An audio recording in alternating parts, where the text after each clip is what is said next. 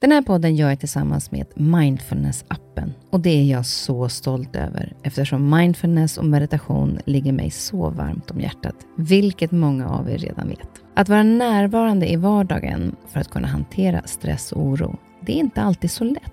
Då kan man ha mindfulness-appen nära till hands för att hjälpa dig när du behöver. För mig kan det vara så till exempel när det gäller sömnen, att vissa dagar då har jag riktigt svårt att komma till ro. Framför allt när det är mycket med jobbet. Då brukar jag använda mindfulness-appen och avsluta dagen med en avslappningsövning för att sänka stressnivån.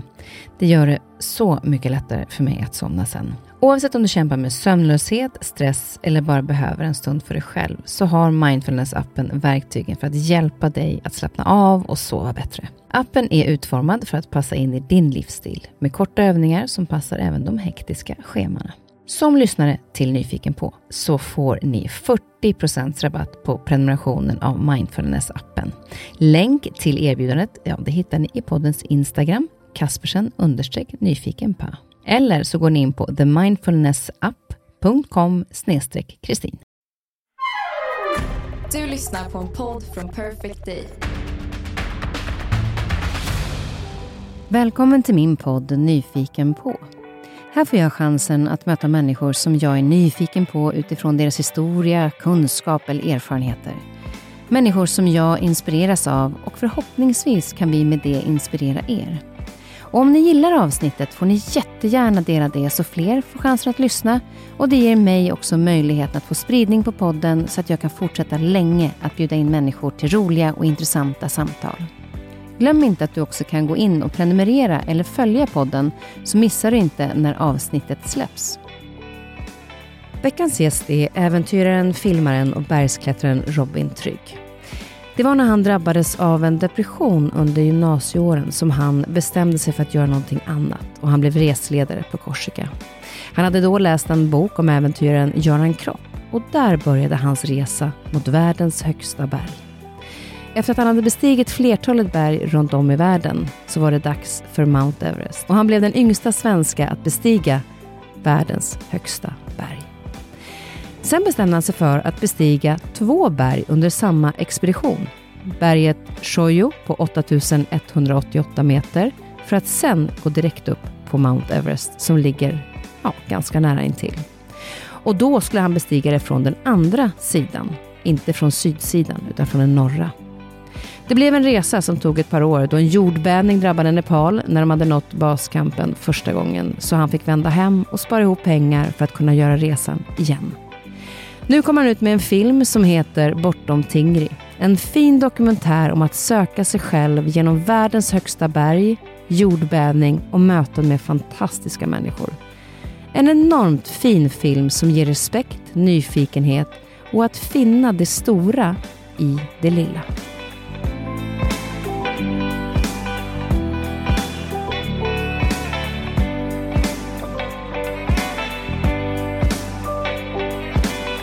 Hur gammal? Oliver är en månad. Åh, en månad, Eh, just ja. ja. Men grattis! Så, tack. Eh, och, Sist vi såg så hade du ju ja, då var varit det på, G. gång. Ja. Och sen så har vi en som är två och ett halvt. Och sen så är Jenna som är, hon fyller 13. Så att det är Alltså, liksom en som är tonåring och en som är i trotsåldern och en som skriker bara. Fy fan, då har du dina utmaningar Ja, hemma. men Ja, jag drar till Everest nu om två veckor så det är perfekt ju. men för det är dags nu igen att åka iväg. Ja, nu drar jag till Basecamp. Det är första gången på tre år. Är det. Jag kommer dit. Först fick jag barn och sen kom covid i vägen. Så att jag har aldrig, alltså sen jag började klättra, om man kan säga så på riktigt, så har jag aldrig varit så här länge ifrån Himalaya och Nepal. Så det ska bli skitkul. Fasiken vad roligt. Nu får du hoppa lite närmare mikrofonen nu så vi kan ja. eh, köra igång.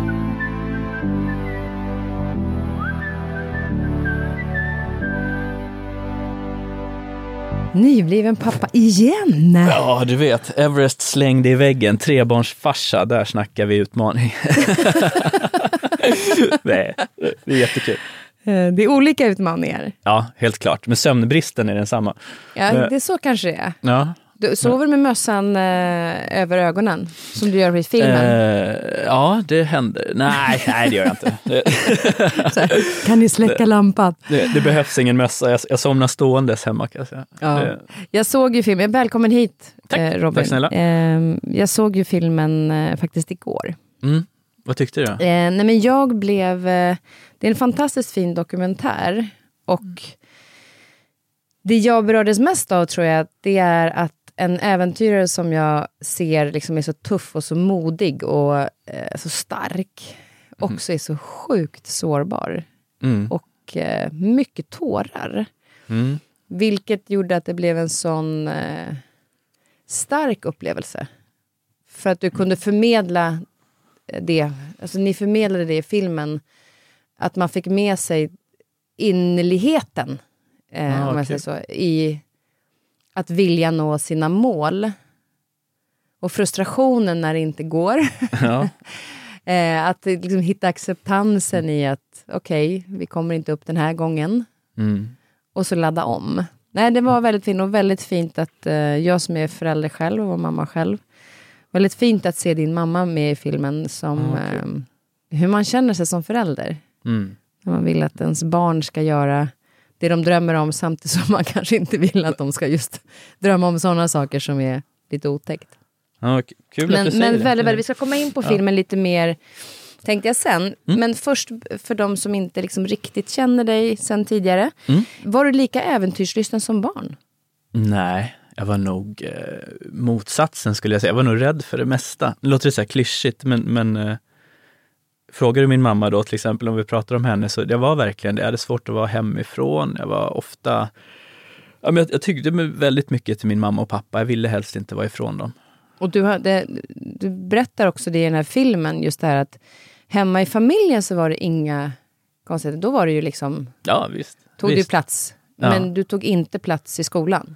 Nej, jag hade rätt jobbigt i skolan. Hade jag. Alltså jag har aldrig... Eh, jag, jag har skött mig, varit duktig sådär, gjort mina läxor och, och, men jag har haft, haft rätt svårt att ta för mig socialt. Jag har oftast haft eh, eh nej, men svårt att få kompisar.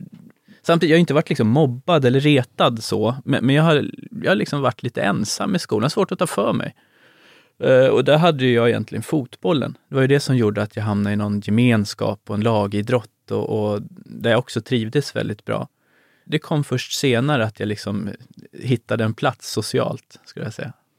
Men för det var också i, i skolan sen som du, eh, på gymnasiet jag förstår, Mm. där du också började må ganska dåligt.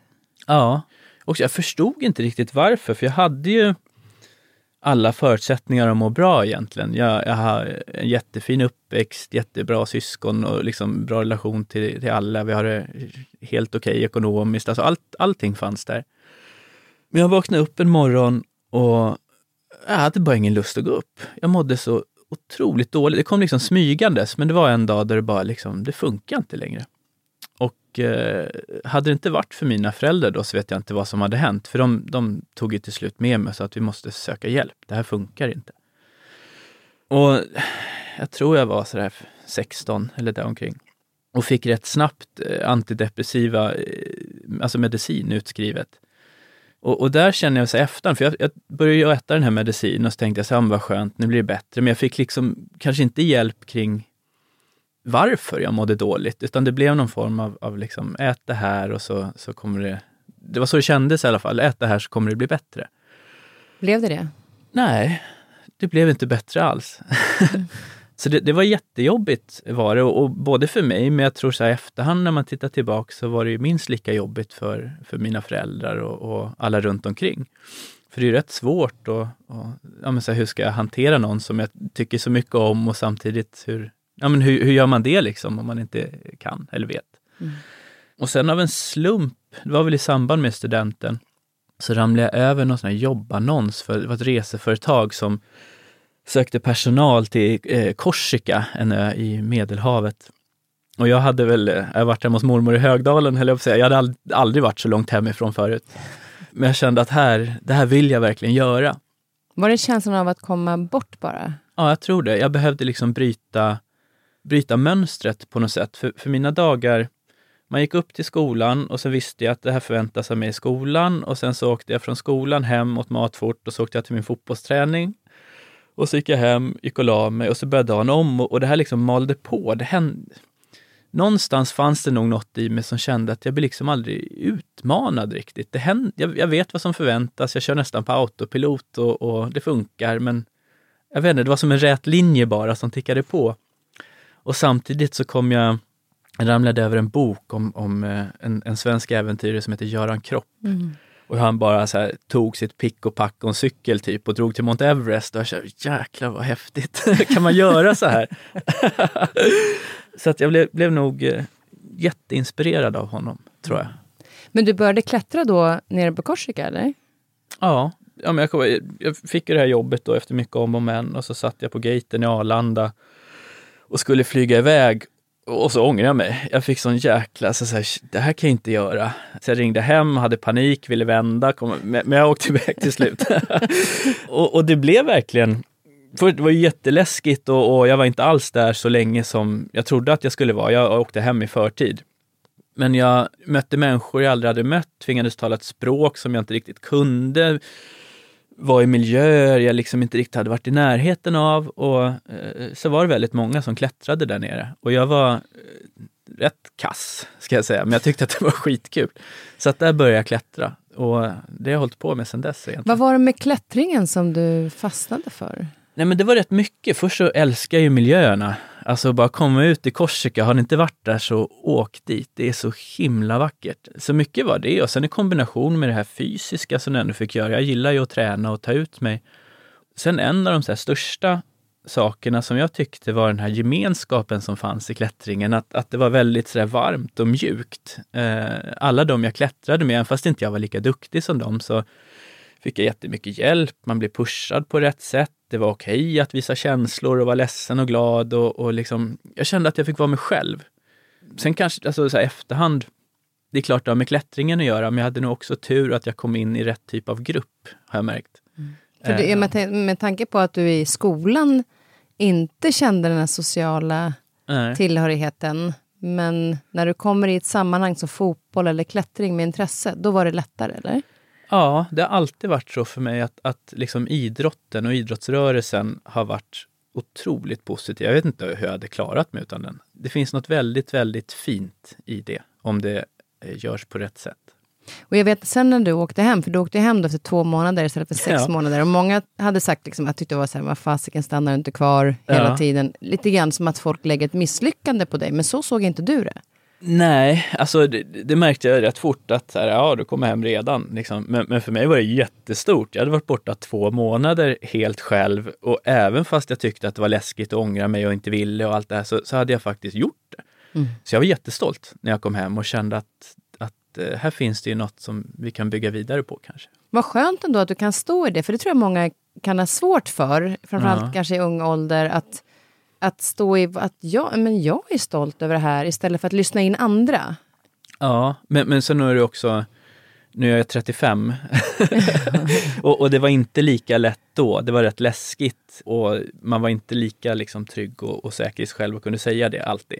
Men någonstans så fanns det ändå liksom ett, eh, ett frö av stolthet som, som kunde växa vidare och det hade inte funnits förut. Och nu när, när det här då födde din eh, resa egentligen då som äventyrare, om du skulle titta på dig själv som en tioåring, vad tror du att, vad tror du, att du hade för drömmar om för yrke då? Så när jag var tio så skulle jag bli världens bästa fotbollsspelare, spela i Hammarby och Liverpool och eh, vara ekonomiskt oberoende vid 18-19 sådär. Så, att det så jag behövde egentligen inte gå i skolan, har jag berättat för mina föräldrar. Men... Eh, alltså det, lite jag, självförtroende ändå? Eh, ja, men det, det, och det är samma där, alltså inom familjen, eller så här, där jag kände mig trygg och hade en fin plattform och, och liksom kände mig bekväm. Där hade jag jättemycket självförtroende och, och ja, men vågade drömma. Men så fort jag hamnade någonstans där det var lite otryggt och läskigt och, och så slöt jag mig. Jag, jag, vågade liksom inte. Jag tyckte det var jätteläskigt. Mm.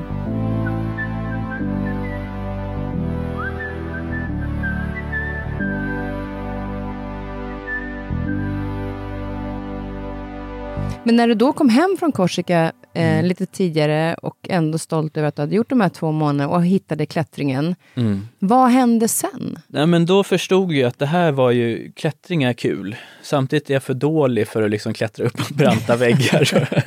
jag kan ju inte det. Och då såg jag att ja, men Kilimanjaro, ett berg i Afrika, där kan man faktiskt gå upp. Så att eh, jag försökte få med mig någon och den som gick med på det till slut, det var min lillebror som är ett år yngre än mig. Så att han Följde med, vi packade varsin ryggsäck, flög ner till Tanzania, kom till Kilimanjaro och eh, där upptäckte vi att det var för dyrt. Vi hade inte råd. Bra plan! Ja, totalt. Men det är det, man är ung, naiv och, och... Men, men, så att vi fick vända, vi åkte till Zanzibar istället. Vi tog en båt och bodde på en strand i några veckor.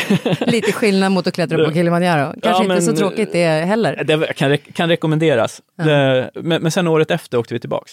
Och då eh, kom vi upp på Kilimanjaro och eh, jag tyckte det var super, super kul och kände att det här vill jag göra om. Och så, Vad, var det som, vad var det som kändes som att det är super, super kul? eh, nej, För men- det är ju en enorm utmaning med tanke på den höga luften. Alltså, det, blir ju, det är ju enormt påfrestande för kroppen och, och mentalt. Jag tror det var just det som var kul. Mm. Att, att eh, jag kom så nära sånt jag aldrig hade varit nära förut och, och så i efterhand tror jag, jag hade inte de svaren då. Men, men om man säger att jag, allt det här med klättringen och andra kulturer och att bo och leva med andra människor som, som man tror är så olika sig själv.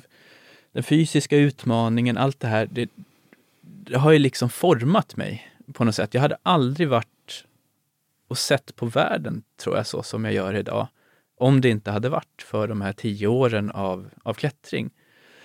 Och ibland har det varit jätte, jättejobbigt och, och liksom inte alls blivit så som jag vill.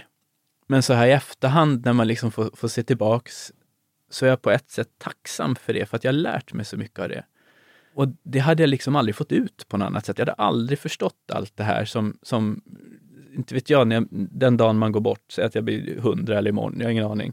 Men jag hade aldrig liksom kunnat, jag hade ångrat mig, så tror jag. Jag hade ångrat jättemycket om jag inte hade eh, förstått saker som jag tror att jag förstår nu. Och var det där också drömmarna skapades kring att faktiskt kanske komma upp på Mount Everest en dag? Eller när kom de? Eh, Nej men det kom efter eh, Kilimanjaro, så min bror fick inte nog, men han, han hittade andra intressen. Mm.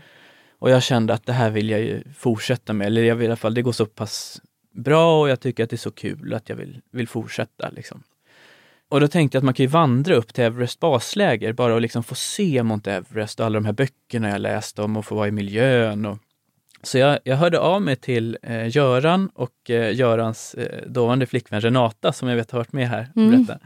Och de hjälpte mig att komma i kontakt med liksom de Sherpas, de, de människorna där nere som de fick hjälp av. Så att jag flög ner till Nepal, till Kathmandu och fick egentligen hjälp av dem att vandra upp till Mount Everest basläger. Och det var, eh, ja men på något sätt när man har läst de här böckerna och sett människor på tv och intervjuer och, och så, för mig så blev de liksom människor som nästan inte fanns. De, de var ja, men så här Stålmannen allihopa på något sätt. De var så duktiga och de, de var så långt ifrån mig. Då skärpas menar du? Ja, både Sherpas och även uppe i baslägret när jag såg alla de här klättrarna som gjorde sig redo för att gå upp till toppen av Everest, att det här var ju liksom supermänniskor. Och sen kom jag dit, såg hur de tog av sig sin klätterutrustning och förberedde sig och, och, och förstod att så här, men det här är ju också bara människor. Det låter så knäppt, men, men jag, kan de så borde jag också någonstans kunna om jag förbereder mig och tränar. Och det var första gången det kändes som att det blev verkligt på något sätt. Och vilken höjd är det basläget på? 5334. Ja, det är sjukt högt. Bara, bara, alltså, Det sjuka är att du tittar ju upp på saker som är flera tusen meter högre ändå. Då var vi äntligen på väg efter eh, år av väntan höll jag på att säga. Sjukt. Eh, man går här, det är som en, en stenmorän kan man säga. Och framför sig har man en stor pyramid bara. Mount Everest. Det är, det är helt eh, overkligt. Ja, det är det. Det är, och ändå på något sätt så är det, jag har nog aldrig vandrat i en vackrare, på en vackrare plats tror jag. Det är så otroligt Hur lång tid tar det att vandra upp dit? Alltså flyger du tur och tur från Sverige så är det väl kanske 18 dagar någonstans. Eh, sen kan man göra det på olika sätt, men, men ofta så, så stannar du kanske två gånger på olika höjder på vägen upp till baslägret och bara låter kroppen liksom komma ikapp och, och anpassa sig till höjden. Och utsikten är ju fantastisk. Bakom mig här har jag toppen på världens högsta berg, Mount Everest. Man blir lite flåsig. Eh, Det var relativt brant stundtals upp hit. Eh, Och det kändes absolut. Men eh, det är verkligen fortfarande görbart. Jag mår bra. Äh, det är så otroligt vackert och något jag gillar. Nu har jag fått förmånen att ändå resa runt och guida och liksom klättra på olika berg runt om i världen. Himalaya är i en klass för sig och, och framförallt de här sherpasen och nepaleserna. Jag har aldrig träffat människor som kanske utåt sett vid en första anblick har så lite. Men när du liksom lär känna dem och, och kommer nära dem har så otroligt mycket i sig och dela med sig av och ge.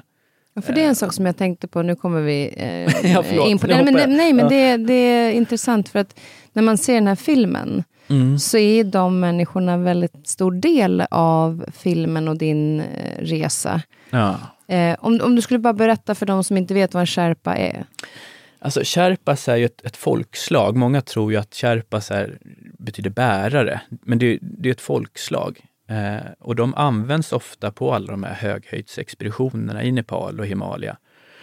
Och, och har alltid gjort eftersom att de har bosatt sig uppe i bergen och är liksom anpassade till höjden på ett sätt som, som jag aldrig kommer bli. Nu är det sidohistoria igen, men jag hade ju, när jag väl klättrade Everest så jag hade jag tränat som mest tre pass om dagen. Jag har aldrig varit så förberedd för något i hela mitt liv. Och så hade jag hört talas om en kille som heter Shiring Dorje Sherpa, läst böcker om honom och visste att han har klättrat Everest över tio gånger. Och, och så ska jag träffa honom, sitter och väntar på Durbar Square i Kathmandu och, och han kommer liksom aldrig. men, men bredvid mig sitter någon så här tjock liten farbror och, och visslar och verkar som att livet är toppen. Och sen efter, jag vet inte, en kvart kanske så här efter vår avtalade tid så började jag prata med honom och så visade det sig att han, det är ju Kirring, som, som inte alls var, han, ja men lite så här småsatt liksom. Och jag hänger väl med honom kanske upp till 6000 meter en bra dag i samma tempo. Sen, jag har inte en chans. De är, är så otroligt kompetenta och duktiga och samtidigt har de den här ödmjuka sidan som, som man kanske inte alltid hittar hos folk som är bra på någonting. Men de har liksom en, en genuin vilja att, att dela med sig och, och ge, vilket jag tycker är häftigt. Ja, för han är uppvuxen i en by som ligger runt 4000 meter någonstans, va? Ja, 4200 meter i något som heter Rolvaling som är liksom en stängd dalgång från början. På gränsen mellan Nepal och Tibet. Och sen när han var 16 så fick han jobb för första gången i en sån här höghöjdsexpedition och smälte snö och sånt på Mount Everest. Och eh, ja, men idag har han, han klättrat många av världens högsta berg. Everest tror jag är 16 gånger nu eller något sånt. K2 i Pakistan. Och, ja, jä- otroligt många berg. Men, men det du också beskriver i filmen är ju att, att eh, nu när du pratar om honom, för ni har ju blivit väldigt, väldigt nära vänner. Och det är ju att han har haft en ganska tuff mm, eh, uppväxt och en tufft liv. mm. Men han ser inte några problem på det Nej. sättet. Vad, vad är det han, så att man kan förstå perspektivet i, så här, vad är det de har kanske råkat ut för, för att förstå den mentaliteten som de har? Nej, men jag frågade mig det jättelänge själv också. Jag ska ärligt säga att jag, jag vet inte helt vart det där kommer ifrån. Det finns bara naturligt hos honom på ett sätt som, som jag så gärna skulle vilja ha. Men, men trots liksom allt tufft, det finns en bok som heter Begravda i himlen eller Buried in the sky som handlar om honom här i Sverige. Och han har varit med om fruktansvärda saker. Som, Ja, men bland annat, han var och klättrade på ett berg i, i Pakistan då, som heter K2. Och det här var 2008 tror jag, så finns det ett, ett eh, stort isöverhäng strax under toppen som heter Bottleneck som, som liksom släpper och det är många som förolyckas och går bort. Och, och han är mitt i det där och, och räddar livet på en kille som heter Passang på ett helt heroiskt sätt då, som, som beskrivs i den här boken. Det är som en film, hur han liksom knäpper fast honom och, och klättrar ner på utan att sitta fast någonstans med sina isyxor och faller flera gånger och tumlar runt. Men de, de överlever och han, han, de klarar sig. Liksom. Eh, och efter det fick han hjälp att flytta till USA. Eh, så nu bor han i Colorado och, och hans två döttrar sattes i skolan där och, och sådär för att det var stor anledning till att han ville bort från, från Nepal.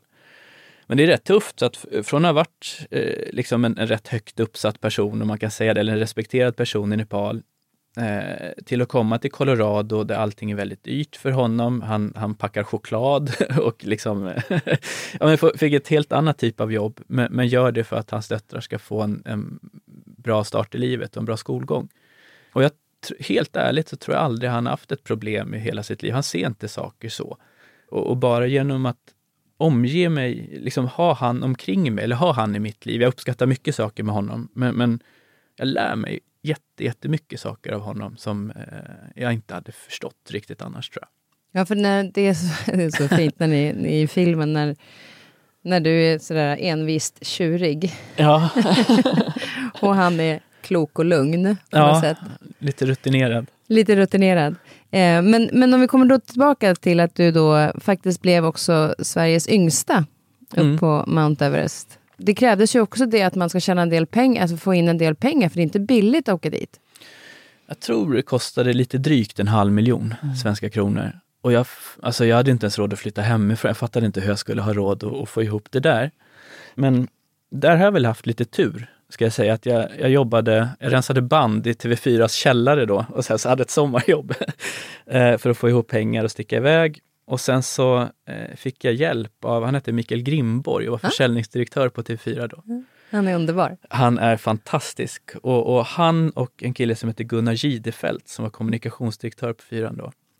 De såg till, jag vet inte, de, de, antingen tyckte de synd om mig eller så såg de någonting där. Men eh, de såg till att liksom putta mig åt rätt håll och eh, ja, men både så, så gick Fyran in lite grann men de såg även till att Tele2 och Expressen och att, att jag fick kostnadstäckning. Och hade det inte varit för dem då hade det heller inte blivit någonting. Så att så här, en, en del har varit från mig själv, men jag har också haft turen att liksom omge mig eller ha fantastiska människor runt mig som har puttat mig åt rätt håll ibland. Och vad krävdes då för förberedelser för att ta sig till Mount Everest? För det är inte bara att... Ja, du Nej. hade varit på, på basecamp, men sen så ska du ju lite högre upp och klättra en del. Ja. Gjorde du några resor innan då för att träna? Massor. Ja. Eh, alltså både till att ta jobb där jag liksom eh, fick det gratis, höll jag på att säga. Jag, jag är inte så bra på så mycket, men jag är duktig på att bära ryggsäck och Och rensa band i källaren på Ja, TV4. men typ. Så att då, då, då fick jag sådana jobb där jag liksom fick träna och samtidigt vara på hög höjd. Så det var ju perfekt. Ja, men åkte runt. var mycket Elbrus, Kaukasus, eh, Kilimanjaro, Afrika. Ja, men bara tränade och var på hög höjd och försökte lära känna min kropp. Så här, hur reagerar jag? När, när är det nog? När, när kan jag trycka lite till? Och sen samtidigt samla på mig kunskapen rent tekniskt. Hur funkar klätterutrustning? Hur, liksom, hur använder jag den? Så att, nej, det, det, var, det var några år av liksom, det var det enda jag gjorde. Mm. Men det, det var också skönt, för när jag väl kom till Everest, jag fick ju lov på något sätt och på grund av sponsorer och, och sånt. Jag var ju rätt, inte naiv, men, jag var ju så pass ung att jag såg ju bara det här som världens roligaste och coolaste grej och något jag hade drömt om sedan jag var liten. Och så kom jag till Mount Everest, gick med den här ryggsäcken, det är en fantastisk inmarsch då på sydsidan till Mount Everest.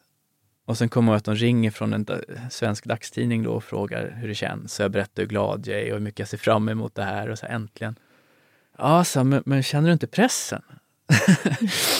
Och så här, men, vad, vad menar du nu? Eller så här, hur, hur menar du då? Ja, men nu, nu har du ju fått spons, sponsring på en halv miljon. Tänk om du misslyckas, liksom. Tänk om du inte kommer upp. Tack för den. ja, det var en riktig så här, tegelsten i ansiktet. Och, ja, men ja, du har ju rätt. Liksom. Alltså, fick, fick världens största sten i magen. Att, så här, tänk om jag misslyckas, tänk om, om det inte går. Tänk, om jag börjar fokusera på helt fel saker. Och så var det ett tag. Alltså, jag, jag, jag mådde dåligt och bara kände att jag hade allt att förlora.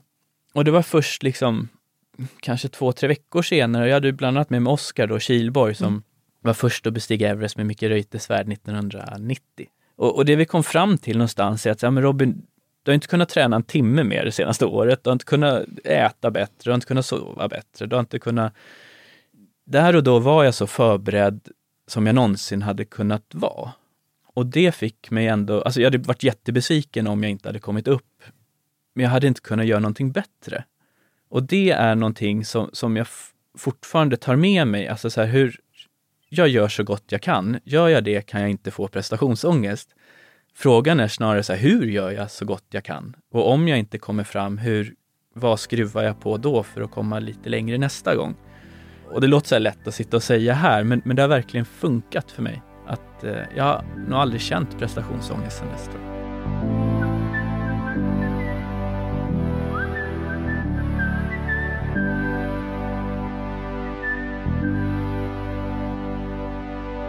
men där är någonstans då, när, när du väl då kommer och har den här lite tegelstenen som du någonstans fick, eh, Ja. men, men lyckades hantera den, så började ju eh, klättringen uppåt och som i filmen så berättar ju Oscar om att så här, när, när de var uppe så var det typ fyra personer på toppen. Och så ser man, och det tycker jag var helt sjukt i den här filmen, det är ett lämmeltåg Ja. upp till toppen.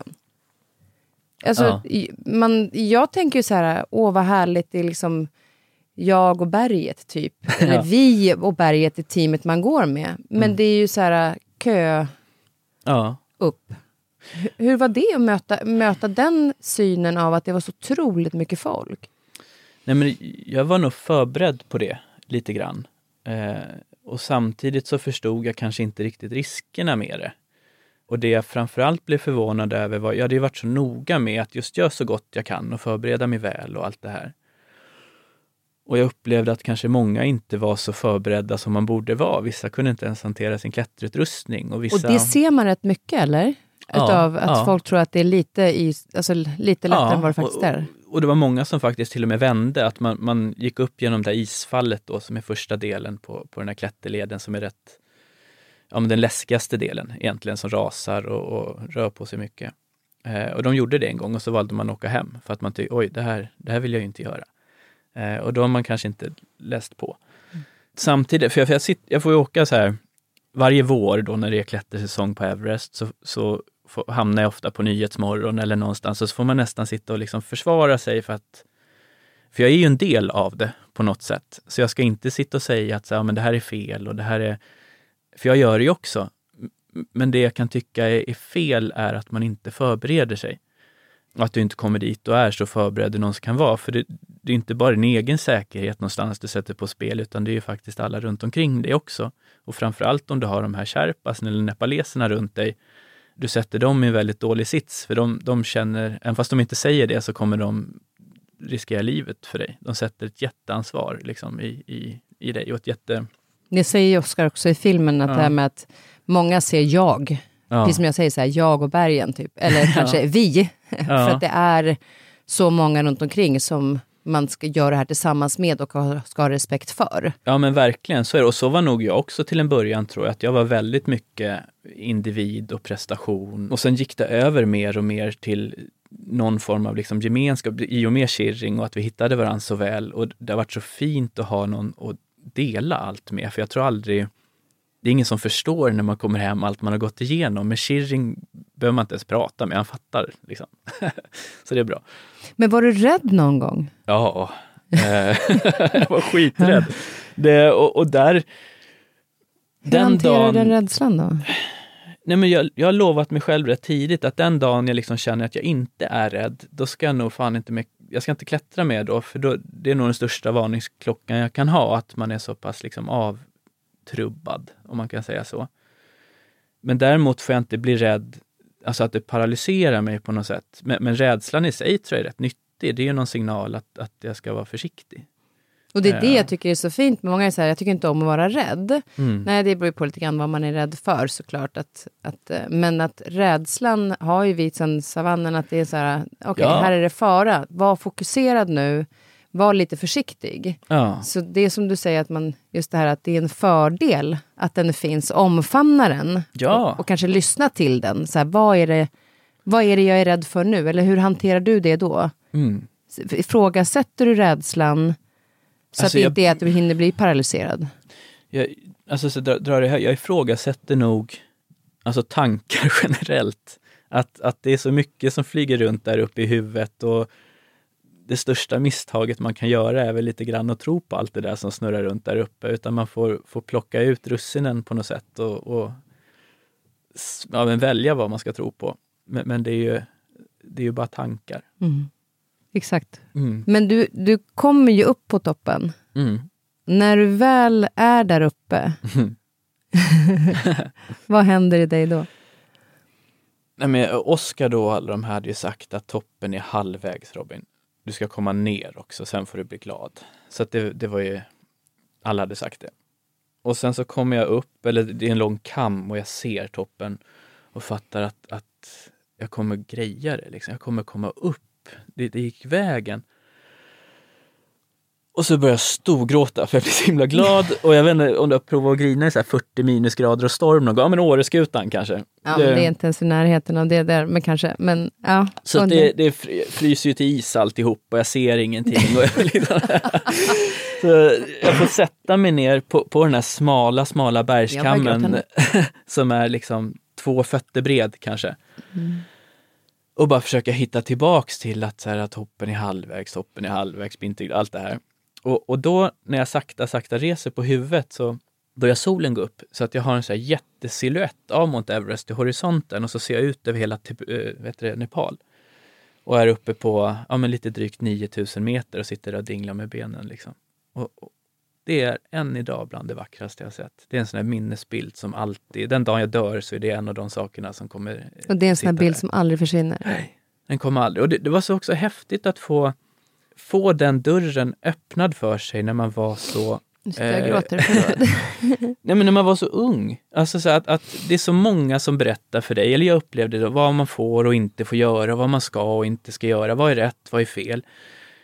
Och, och jag fick, när jag var 23, fatta att så här, ja, men om jag vill någonting tillräckligt mycket och sen kämpar jag för det så mycket jag bara kan.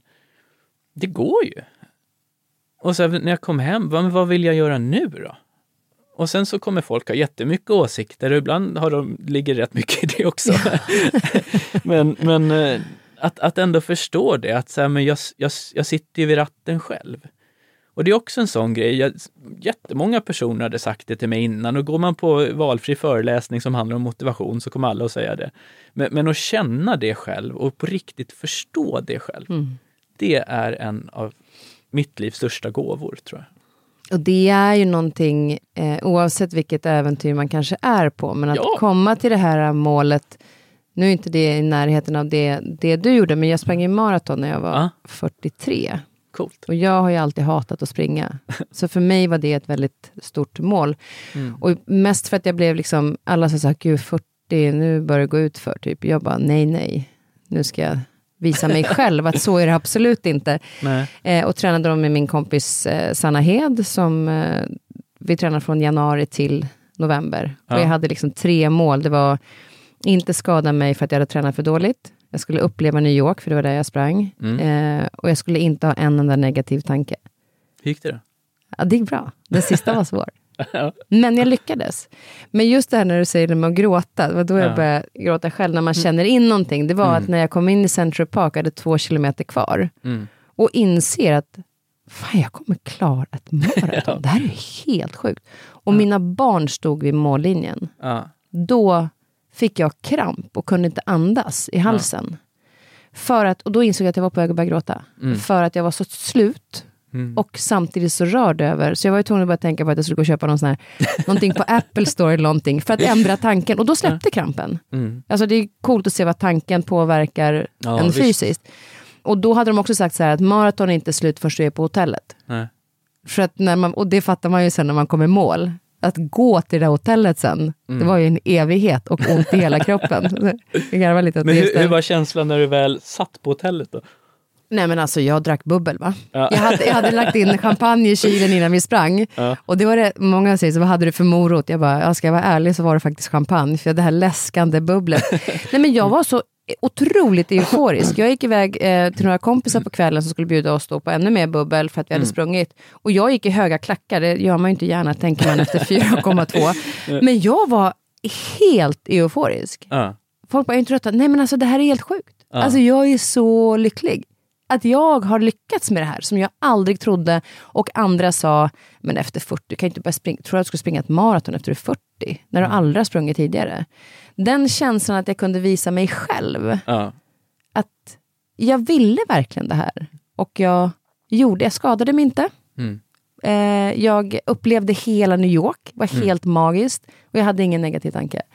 Den känslan var ju så sjukt härlig. Så det är just det att när man sätter upp de här Mm. Mån, oavsett vad folk säger. Mm. Men hur var sen promenaden ner då? Eller promenaden kanske ja, man jag, jag vill bara lägga till mig, för jag, jag, jag, känner igen mig i det där så mycket. Och samtidigt så, just det här med att inte tänka negativt, för det har också varit mitt stora mål.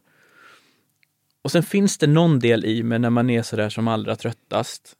Och Och så tänker jag på den där jävla journalisten rent ut sagt som ringer och berättar att allting går åt helvete.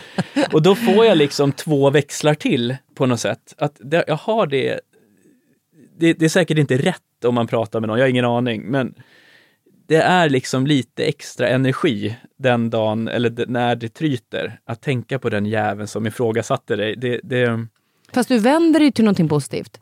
ja, i och för sig. Du tänker sant. ju inte är sant. negativt efter det, utan Nej. du vänder dig till någonting positivt. Mm.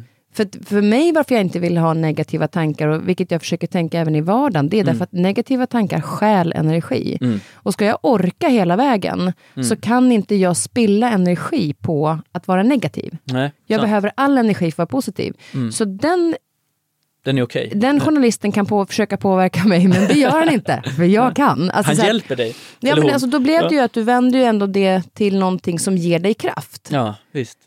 För det går ju, du gick, ju inte, gick du vidare sen och tänkte så här, för fan nu har jag ett jävla ok på axlarna. Ja, Ja, ett tag, men sen svängde det. Ja, exakt. Ja, ja. Ja, Men, nej, men, men det är bra, jag håller med. för då blir det ju ändå en, en, eh, en, en vändning där. Men du har ju, när du förbereder så är du ju extremt bra på att hitta experthjälp. Alltså du Mm. pratar med Göran Kropp och de som är, och Renata, just de som verkligen är duktiga på det. Mm. Har det varit viktigt så här, att hitta de här experterna för att verkligen göra det här på bästa sätt? Ja, men jag, jag, jag har haft en sån jäkla respekt rent ut sagt för dem och, och även för Micke och alla de som jag berättade om som hjälpt mig med ekonomin. Att, att jag hade aldrig fixat det här själv. Och, och det är ofta så i min bransch att, att jag är ute och föreläser och sen ser någon när jag sträcker upp armarna på en topp någonstans och så tänker de att ja, vad duktig du är, där står du själv och du har gjort. Men, men det är ju liksom ett helt gäng bakom den här prestationen det är Charlotte Kalla som går i mål och vinner OS, men, men det är någon som har vallat hennes skidor, det är någon som har hjälpt henne med maten, det är någon som har... Och, och samma sak har varit för mig. Och, och inte alla, men många i min värld kanske inte alltid berättar det. Utan, och för mig har det varit så jäkla viktigt, och speciellt med Kirring, för att jag hade aldrig grejat det här utan honom. Och det har gett mig så otroligt mycket, både, både med klättring men även på ett personligt plan. Så, så att få lyfta honom och få lyfta alla de som, som liksom har varit en del av det här och att vi har gjort det tillsammans har varit egentligen en av de stora liksom värdena i, i de här tio åren. Tycker Men det tycker jag är så bra att du säger, därför att jag, när jag växte upp så kallades jag för kan själv. jag. ja. Och fick väldigt mycket cred för det. Ja. Alltså så här, åh vad du är duktig som gör det här själv. Och jag skruvade upp, eh, när jag flyttade hemifrån, skulle skruva upp gardinstängerna själv. Och jag Ja. pratade gärna om det, för att då fick jag en bekräftelse på. Mm. Och har insett, det bästa jag har lärt mig vid 50 års ålder, det är faktiskt att be om hjälp. Mm. Alltså det är ju helt fantastiskt att Vilken be om hjälp. styrka det är. Ja, och också det är en gåva till andra, för jag älskar att hjälpa andra. Mm. Men att göra saker och ting tillsammans, Mm. för då, det är som du säger, du delar ju de här resorna med Kiring. Mm. Ja visst, och, och även nu, alltså vi, det är en av, av våra anledningar till att ses nu när vi börjar bli äldre, eller jag på att säga att vi vandrar varje år upp till Basecamp och plockar med oss folk. Och, och att liksom få ta med sig människor som kanske inte har den relationen eller har fått se det här eller fått, fått uppleva sånt här förut. Att få dela det med dem. Och, och samma sak med att, att människor, men det är ju allt från så här, någon VD på någon jättehög, liksom, på, eller något företag som är börsnoterat till alla är så himla duktiga på det de gör, så ibland att bara få gå och, och vara tyst och lyssna på, lyssna på dem. Man, man lär sig väldigt mycket och lär känna väldigt mycket folk. Vad är det man lär sig av dem? Alltså berättar de, är det också deras inställning? För jag tycker också det var väldigt fint i filmen att man ser att de gör en ceremoni Ja. uppe på berget.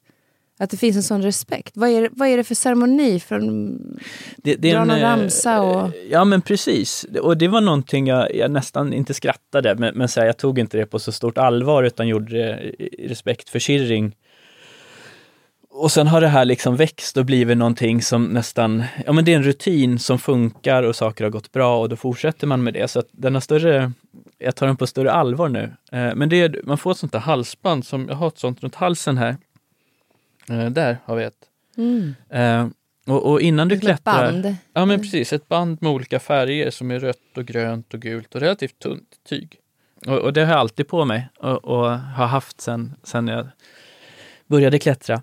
Och det är en lama, alltså en högt uppsatt buddhistisk präst kan man väl säga, som kommer från ett kloster eh, vid Mount Everest. Och så kommer den upp till ditt basläger och sen bygger man en stupa, heter det. Det är som en, en stenpyramid. Och så i den här stenpyramiden sätter du upp en lång stång och sen så har du tibetanska böneflaggor från den här stången som, som går ut åt olika håll. Då. De här flaggorna är i olika färger, där färgerna symboliserar olika element i naturen och så lägger du alla din, dina klätterutrustning då intill den här stupan. Och sen sitter du och ber och, och liksom ne, både Shirring och alltså nepaleserna och speciellt Sherpas då är ju väldigt religiösa.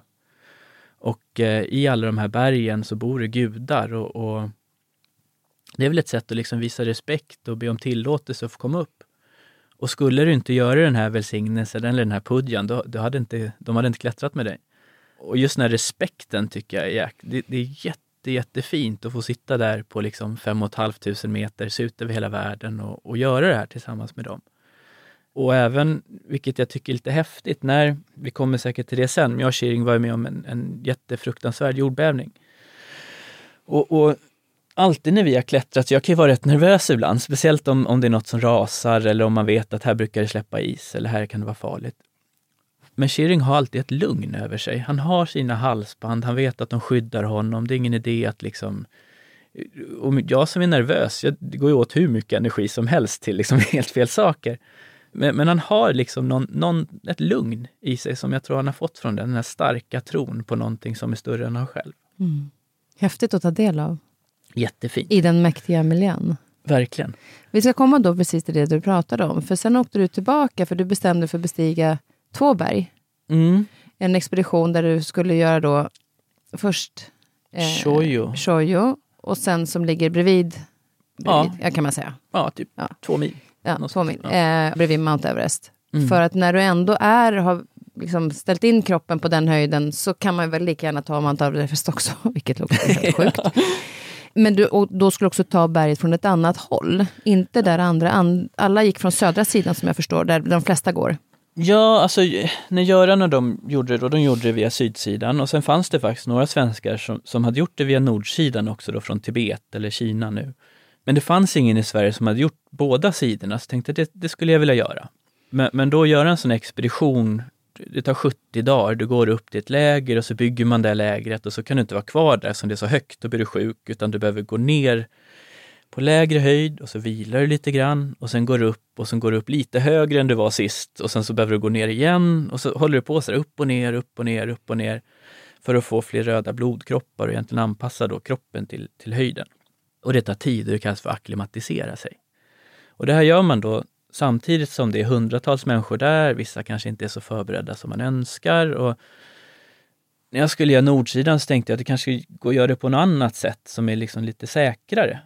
Där jag inte är ute på leden lika mycket på Mount Everest. Och det finns 14 stycken berg som är över 8000 meter i världen och, och vanligtvis kanske man klättrar ett av dem och så är du så pass liten efter det att du du går hem och, och behöver något halvår att läka ihop. Liksom. Men då hittade vi, eller hittade, men, men Shoyo ligger 20 kilometer bakom Mount Everest nordsida. Och, och, där är det ju inte en kotte nästan. Så jag tänkte om jag och Shirin åker dit och, och sen klättrar vi Shoyo helt själva och kommer upp på 8000 meter eller strax över 8200 lite drygt. Och då har vi alla de här röda blodkropparna, kan åka till Mount Everest och istället för det här upp och ner, upp och ner så bara drar vi rakt upp. Det låter så enkelt. Mm. Ja, men det var väl också så här, bara att våga tänka det mm. var ju skitläskigt. Och ännu värre att, att så här, gå ut med det. så att det vi gjorde var ju att först så, jag och Kiring pratade ju länge om det och ens är det rimligt och allt det här. Men så kom vi fram, alltså så här, istället för att ha sponsorer och ha den här pressen, vilket ändå på något sätt blir, så sålde vi allt vi hade egentligen. Jag hade en soffa och, och en tv, typ Eh, så jag sov och kollade på tv och åt i min soffa. och sen så eh, fick vi, ja men vi skrapade ihop, det var väl en budget på lite drygt hälften, så allt var ju väldigt snålt mot Everest. Vi hade ja 250-300 000 kanske. Och så åkte vi dit till, till tibetanska högplatån, den sista byn heter Tingri. Och därifrån är den här tibetanska högplatån som bara går rakt ut mot Mount Everest och de här jätte, jättestora bergen. Och jag kommer ihåg just när man såg de här första gången, för jag hade aldrig varit så, så här förberedd för något i hela mitt liv och, och jag hade tagit slut med min dåvarande flickvän och, och ja, här, allt hade lagts åt sidan på något sätt. Jag hade offrat så mycket kände jag. Så bara att se det här berget gjorde att, att det brast, att det blev så här på riktigt på något sätt. Där bröt jag ihop första gången. Men det, det var också något fint i det. Att så här, nu är vi här du och jag, Kiring. Vi, vi har gjort så gott vi kan. Vi kan inte göra mer. Nu, nu njuter vi. Alltså så här, ta in det här. Vi är värda det. Så vi kom upp till Tjoju då, världens eh, sjätte högsta berg. Det var en lång inmarsch med jakar som fastnade och snö upp till liksom midjan och det var jättejobbigt att ta sig in. Och sen när vi väl satt där så, så var tanken att vi skulle börja klättra och bygga det här första lägret dagen efter. Men när vi vaknar på morgonen så är det så pass dåligt väder, eller det, det är whiteout, det är dimma och snö och vi ser liksom ingenting. En av fördelarna med att det bara jag och Kirring är att säga, men fan skit i att klättra idag. Vi, vi smälter snö och sitter och dricker te och, och ja, men, pratar bara idag, umgås. Och det räddar nog livet på oss. För, för ja, men förmiddagen där någon gång så helt plötsligt så marken börjar börja skaka. Och jag har varit med så pass länge i det här att när det låter så och när det känns så, så är det en lavin. och vi låg rätt nära med vårt tält intill en vägg där vi visste att det satt rätt mycket is och, och snö och sånt högre upp. Så att vi öppnade ju tältduken och tittade ut mot det här isöverhänget då, om man ska kalla det för det. Men vi såg ju ingenting för att det var, det var ju så dimmigt. Men vi, vi sprang ut åt andra hållet och, och sekunderna senare gick det laviner precis överallt och visade sig vara en jordbävning. Ja, för filmen så, så ser det ut som att det kommer över er nästan. Ja, alltså så här, när jag sitter och skryter om hur bra förberedd jag är och allt det här, det var bara tur. Ingenting annat, att vi klarade oss. På ja, men några sekunder egentligen så var det tusentals människor i Nepal och i området där som, som dog. Men, men det visste inte vi då. Utan man är så pass liksom frånkopplad från omvärlden när man är så pass långt ute och är så pass... Eh, så att i chock tror jag. Så först så borstar man av sig det där och ja, vi klarar oss. Liksom. Fattade ni att det var jordbävning eller var det... Ja, ni, det förstod det? Det var så alltså när marken skakade, jag har aldrig upplevt en jordbävning innan. Men, men det var ju så, du kunde ju liksom inte gå ordentligt utan du kastades nästan omkring. Och det jag fick lära mig också då var ju att, att, när det kommer ett så kraftigt skalv, det har varit lite olika sådana mått på den här Richterskalan som man mäter jordbävningar i, men runt 9, liksom, 8,9. Det var en jättestor jordbävning. Då kommer det kontinuerligt efterskalv. Och, och vid varje sånt efterskalv som kom så fortsatte det att rasa ner snö och is och sånt och vi kunde liksom inte ta vägen någonstans för eh, vi var på en så pass utsatt plats och vädret var så pass dåligt att vi satt ju fast där. Och, och under de här ändå ja men om det är 10 eller 12 år jag klättrar. Jag har aldrig liksom varit nära att dö eller varit... Men det var första och enda gången som jag tänkte att nu, nu kommer jag inte komma hem. Och, och jag har alltid... Alltså när man var, var yngre och började med det här, man skulle liksom inte ångra någonting.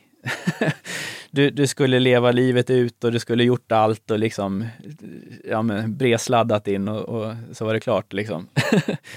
och sen satt jag där och, och bland annat ringde hem. Ja, men allt så här fruktansvärda saker som man aldrig ska behöva göra och berätta. Det skiter sig nog. Liksom. Jag kommer nog inte komma hem. Och jag ångrar så mycket saker och det var inte de här äh,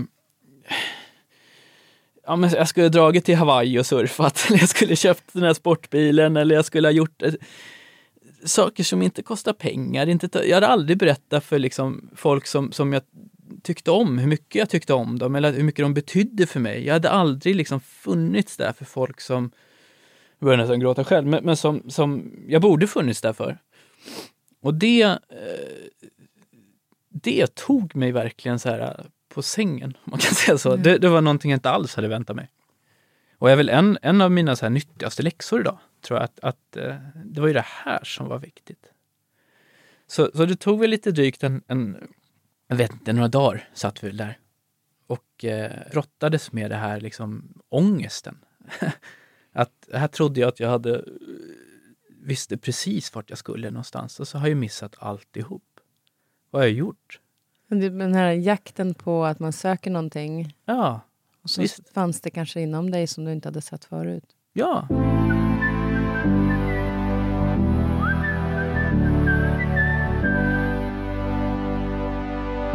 Men, men kände du det liksom på en gång? För någonstans så visste du ju inte riktigt omfattningen av den här jordbävningen och så här, fasiken, nu kommer jag inte upp på toppen. För ni fick, ju inte gå, ni fick ju inte gå vidare sen.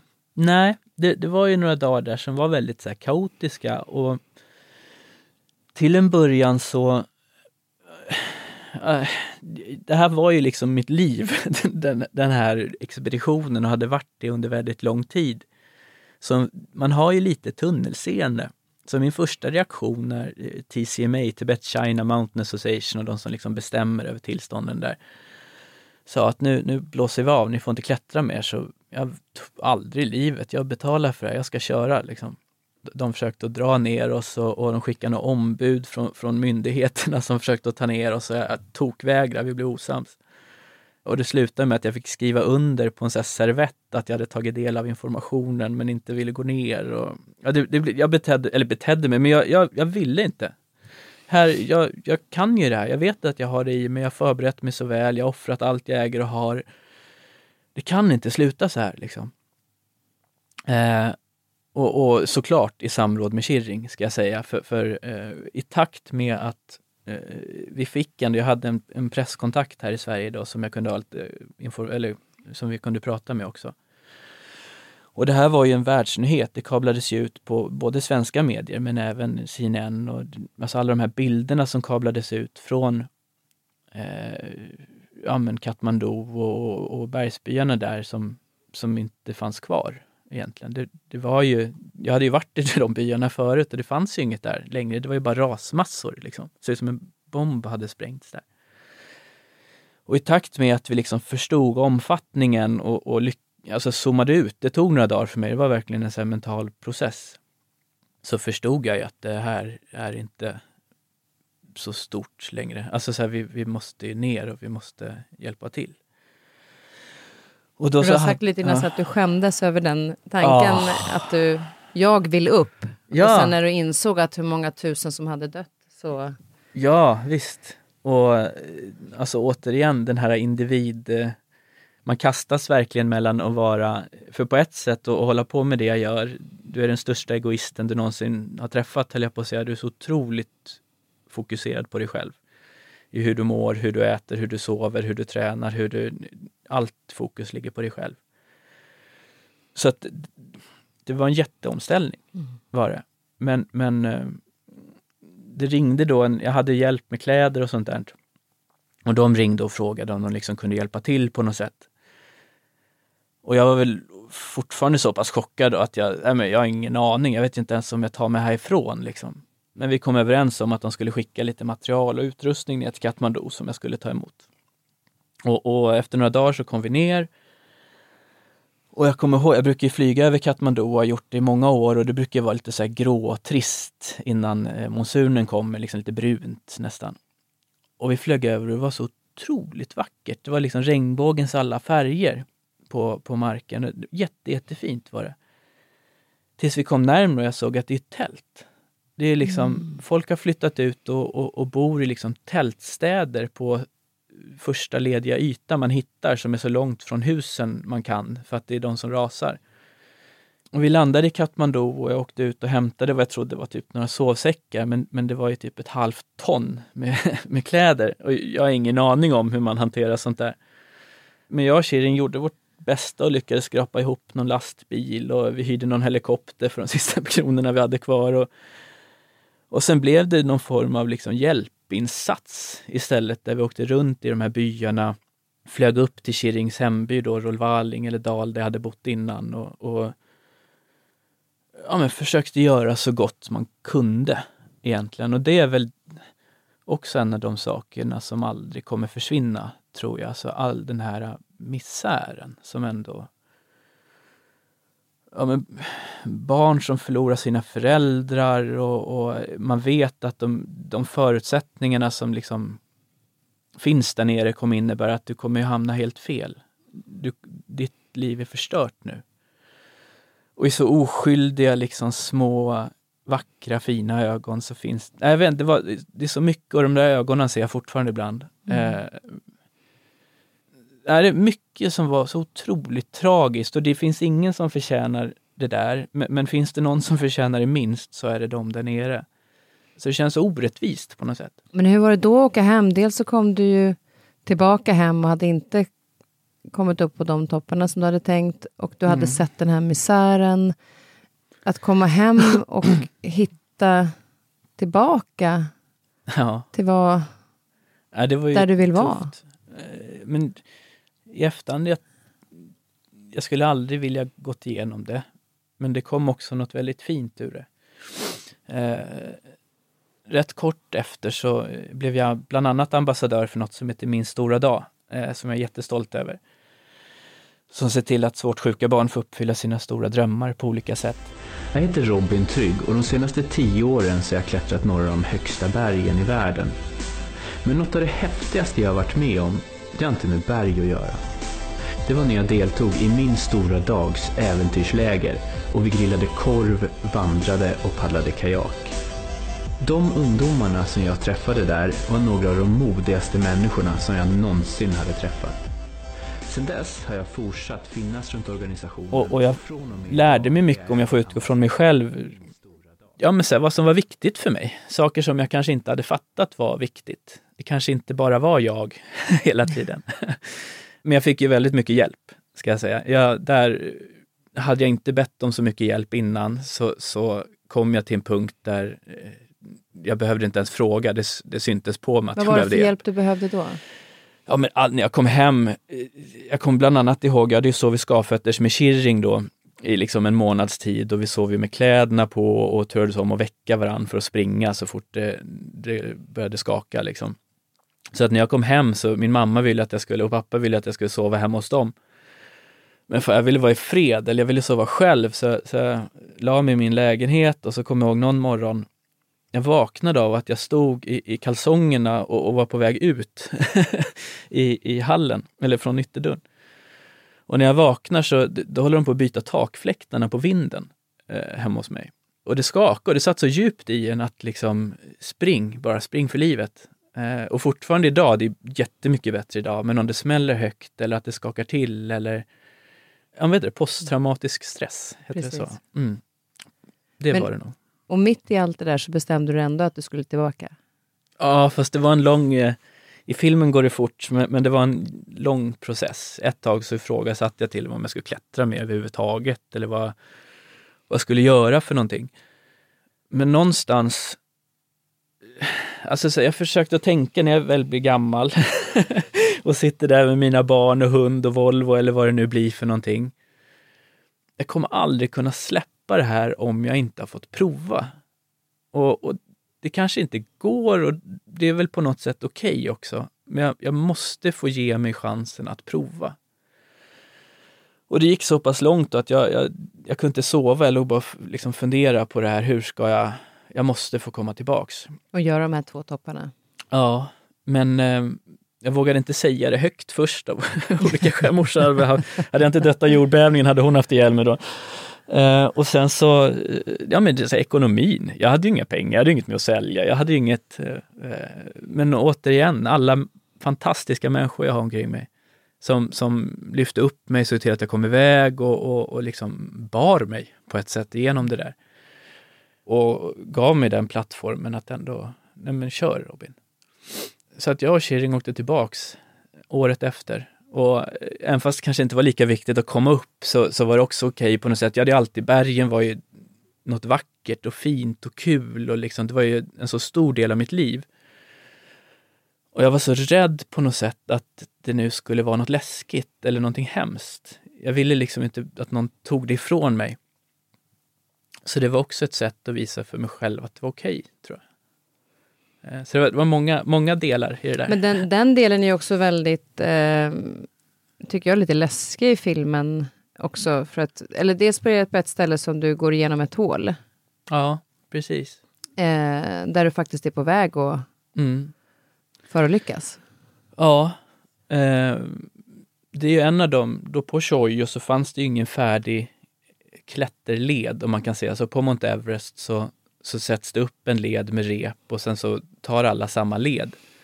Och eh, då sitter man fast i klätterrep som oftast kärpas eller någon redan har satt upp. Eh, men här på tjojo så fanns det ju ingenting och det var ju något av det fina och vackra också att jag och Kirring skulle få göra det här själva. Men där, eh, eh, jag, gick, jag gick fel egentligen. och gick igenom en snöbrygga. Det var en, en glaciärsbricka och så hade det snöat så det hade lagt sig snö över så, så jag såg den inte. Och sen hinner jag väl känna kanske någon hundradel att, att marken inte bär och sen så hänger jag bara någonstans. Fy. Ja, så det var också... Fan, förlåt dålig svenska. Men Nej men alltså- det, det var hemskt var det. Men också Kirring. Ja, det, är så, det, är så, gulligt i filmen så här. Och så ser jag Kirings ansikte. ja, ja men det var det. Det känns som jag hängde där i flera timmar men det var säkert bara några sekunder. Och det var snudd på att jag fick skrika åt Kirring att liksom backa för han var ner, nästan nere i det där hålet med mig. Liksom. Säga bort. Eh, men då han och sen några tyska klättrare som, som byggde ett, ett spe, alltså en, en vinsch eh, och skickade ner och kunde dra upp mig därifrån. Så de, de räddade livet på mig. Alltså, din mamma, Ja, säger hon, jag som eh, har barn, men just det här vuxna barn. Eh, hon har gjort ett eget Everest. Ja, men ver- alltså, verkligen. Sen, det är ju otroligt fascinerande att, att ehm, också så här vara hemma och inte... Nu visste inte hon precis när det här skedde i och för sig, så det fick hon väl höra då efteråt. Men, Ja. men sen också så är det ju... Det finns en annan del som jag tycker är otroligt stark i filmen och det är när du försöker få kontakt med Thomas, en av de här tyska killarna som du har träffat, Mm. som fastnar eh, på vägen ner från toppen på för hög höjd. Ja, precis. Han, han Thomas då, efter Choi, och vi, vi kom ju upp till slut och, och kommer ner och ska åka till Mount Everest och, och målet är ju bara att gå rakt upp. Och, och vi lyckas väl efter mycket om och, och men, så vi gjorde Everest på, jag tror jag 36 timmar eller något sånt här istället för de här 70 dagarna. Helt overkligt. Så det, det funkade ju verkligen så som vi ville. Och sen några dagar senare så går min tyske kompis Thomas upp Eh, och han gör det själv, inga Sherpas, ingenting, utan syrgas. Eh, jättecoolt så. Men, men den enda han har kontakt med då är mig på, på en komradio. Så jag sitter och håller mig vaken och skriver upp varje gång han, han hör av sig och vart han är. Och, ja, man gör någon form av lista liksom, kopplat till en karta och, så att man har koll hela tiden. Och sen så, så tar det väl längre tid än vad, vad man vill. Och han kommer ner till 8000 meter och till det här sista, eller det lägret som ligger högst upp på berget väldigt sent. Och det vet jag sedan mina turer på Kilimanjaro när man har varit uppe på toppen och sen går man ner och alla bara vill lägga sig och sova i tältet och, och tror att man blir piggare av det. Men när du ligger och vilar på så hög höjd så kroppen återhämtar sig inte. Du blir bara tröttare även av att ligga ner. Så det är så viktigt att liksom pusha sig själv att fortsätta gå ner ändå. Men Thomas är ju eh, bergsguide mycket mer rutinerad än vad jag är och äldre och liksom står på sig att, att eh, nej, men det är lugnt. Jag, li- jag vilar ett tag och sen så eh, går jag ner imorgon. Så att eh, han gör så och så blir jag väckt mitt i natten av att han har eh, lungödem. Eh, det är liksom eh, cellerna i kroppen släpper ifrån sig vätska, så du får vätska i lungorna och går det tillräckligt långt så drunknar man kan man säga. Så att han, han är, är dålig då. Och då eh, försöker man ju, alltså det, man känner sig så otroligt hjälplös för jag sitter, jag ser ju Ja, tältet. för det är det jag jag känner när du sitter där i tältet och Ja. ropar på honom. Och så kan du inte göra någonting, mer än att försöka hålla honom vaken. Ja, visst. Så att det, vi kom överens om att jag hör av mig varje kvart, att han ska sitta upprätt, hålla an, liksom, andningsvägarna fria och ja, men så det man har lärt sig. Och samtidigt så behöver jag ju få tag i någon i andra änden som, som hjälper honom. Liksom. Och då hör jag av mig till, till olika eh, människor och, och till slut får jag tag i en som precis har liksom gått förbi Thomas och som också känner Thomas. Och förklarar då att han, han har lungödem och, och ja men det, det vet alla att det inte det är en fråga om tid liksom att hänga kvar där uppe och inte få hjälp. Eller han, han måste ner.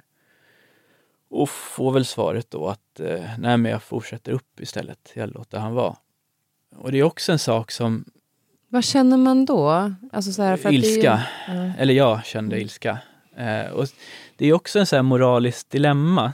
Skulle jag, det är därför till exempel jag klättrar med Kirring återigen, för att vi, jag känner han så pass väl och han känner mig så pass väl. Vi vet vad vi har varann, vi vet hur, hur det funkar och hur...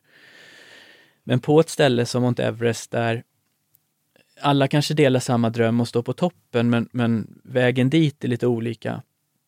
Och alla har inte den rutinen och den erfarenheten eller kanske ens den viljan ibland att hjälpa till. Nej men det, det är för jävligt kan jag tycka rent ut sagt. Att man, man inte värdesätter andras liv så pass högt. Mm. det är en av anledningarna till att vi har med det i filmen, för att det är också ett sätt att, att får man liksom det pratas om det ibland, men kanske inte i den omfattningen som det behövs, för att det är så mycket locket på hela tiden. Och, och samtidigt kommer fler och fler människor dit. Och för att aldrig lyfta den här typen av problematik eller den här typen av, hur fasen ska det bli bättre någon gång då? Men, men jag, eller vi då som har gjort den här filmen har ju fått väldigt mycket, eh, vi behöver ju censurera personerna som är med och, och det är juridiskt svårt att, att liksom lyfta det. Och samtidigt, jag är inte ute efter att hänga ut någon på något sätt, men att prata att, om det. Att det. Att det sker, för det är lite grann återigen det här att det handlar inte om jag på berget, det Nej. handlar om vi. Ja, och hur skulle det kännas att komma upp och sen vet jag att en människa dog på grund av mig. Ja. Hur, hur, glad är man då när man kommer ner? Mm. Liksom? Hur bra mår man över sig själv då? Vi ska säga ja, också att Thomas klarade sig. Han klarade sig och som i 12 fall av 10 höll jag på att säga, men i 9 fall av 10 så är det en, en nepales eller en sherpa som räddar livet på Thomas. Det var så? Mm. Det är eh, standard det. Och det är väl samma ja. där i klätterfilmer eller nu senast eh, ja, men det här expeditionen som gick på, på fyran. Som, alltså det är jättefint att, att man inte lyfter Sherpas som är så otroligt stor del av det som händer där nere och som är en så stor bidragande orsak till att människor kommer upp och kommer ner och mår bra och tycker om det så mycket. De, de förtjänar liksom all form av, av eh, cred de kan mm. få. Men det görs kanske inte i den omsträckning det borde alltid. Nej, och det var så skönt att se Thomas där med det här stora leendet ändå när han kom. Man trodde han skulle komma helt, så här, helt utmattad slut. Ja. Och så var det bara det här leendet hos honom eh, som sen mötte efter den här stunden. Ja. Men, men det är det som jag också tycker är så fint med hela den här eh, filmen och det du eh, beskriver, det är ju också den vänskapen som, och mm. närheten till människorna och de här vänliga ansiktena som du beskriver. Ja att du möter där? Är det liksom, och det sociala sammanhanget, återigen i samband med ett intresse? Ja. För att när man tittar på dig i filmen och när man ser vad du har gjort så är du ju verkligen en social ja, person och inte det som jag kopplade till i början när du berättar om dig själv i skolan. Att skolan kanske inte är heller för alla. Nej. Men när man hittar sitt intresse, mm. när man hittar ett sammanhang mm. så Visst så blir det ju utifrån sitt eget, eh, hur man själv är. Ja, och, och, jag tror att det är det som kanske blir fel. Åt, nu byter vi ämne lite grann, men, men om man ser de så utsatta områdena idag som, som är på tapeten kanske mer än någonsin och vad som händer där. Och så är det så lätt att säga att de inte ska vara här och det ska vara så och det ska vara så. Men så har de fått rätt förutsättningar från första början då? Har de blivit puttade åt rätt håll? Har de fått hjälp? Har de liksom fått de verktyg som behövs? Nej, jag tycker inte det. och, och samma med mig i skolan. Nu, nu har jag betydligt bättre förutsättningar än vad de hade. Men jag skulle nog behövt någon som sa det till mig, att det, liksom, det är okej okay att vara annorlunda. Det är okej okay att liksom, vara som du är, Robin. Men det kändes inte så då, för att det skulle vara på ett annat sätt. Och, och det är väl något man, om man hade gått tillbaka och fått prata med sig själv, så hade man nog ja, men varit lite snäll mot sig själv. Liksom. Det, okay. det finns så många ungdomar som säger att den dagen när jag är klar med skolan, då kommer jag att visa vem jag är. ja, jag ska bara så. rida ut de här åren. Det. Nu är inte, absolut inte alla så, men det finns Nej. ju väldigt många som inte känner en tillhörighet i det för att man har en sån annan stor kapacitet på ett annat område mm. som inte är det som är i skolan. Mm. Så skolan är ju inte allt utan det är så mycket som finns där ute. Ja. Som man sen möter. Men det, det jag är lite nyfiken på nu när du är förälder, skulle ja. du nu ska du ju iväg igen till... ska du upp till Mount Everest eller ska du till basläget? Eh, till basläget. Till basläget. Det är ju, kan du känna någon, att du inte vill göra samma typ av, av extrema äventyr nu när du har barn? Ja, det kan jag. jag. Det var en av, jag hade aldrig haft barn om jag inte hade varit med om den här jordbävningen. Mm. Eh, jag hade aldrig kommit, så? jag tror inte det, jag hade aldrig kommit till det steget att liksom, jag tror jag hade klättrat tills jag förolyckades. För det är också väldigt fint, jag vet inte ens om jag ska säga det, men jag tycker att det, med, ja, men alltså I slutet av filmen, då, alltså så här, och den är ju värd att se varenda minut. För att den är, ja, det jag också tycker är fint, vilket man ska vara beredd på, det är att ibland är det väldigt stilla och långsamma ja, passager. i de här passagerna. Mm. Vilket man väldigt sällan ser idag. min mamma hade älskat det. För hon tyckte om att man, hon tyckte man klippte upp eh, filmer och tv-program alldeles för mycket. Ja. För du hinner känna in i de här Vad långsamma passagerna känslorna. Men, men det är ju också en... Du, du får ju en, en insikt i slutet Mm. av filmen när man tänker att du har sökt och sökt och sökt och vill nå dina mål. Mm. Men så landar det. det är så jäkla fint i slutet att du ville hem. Ja. Det var hemma som var... Ja, och, och det var ju, den här filmen var ju en så lång process. När vi började med den här så var jag en person och när vi slutade med den här så var jag någon helt annan. Så den har ju liksom levt med mig på ett sätt. Så när vi började klippa filmen så visste vi inte att slutet skulle bli så där. Men det var där vi hamnade till slut och det var också så fint i, i, i det, vad som egentligen var viktigt och vad som jag egentligen hittade där till slut. Och vad som hade ett värde.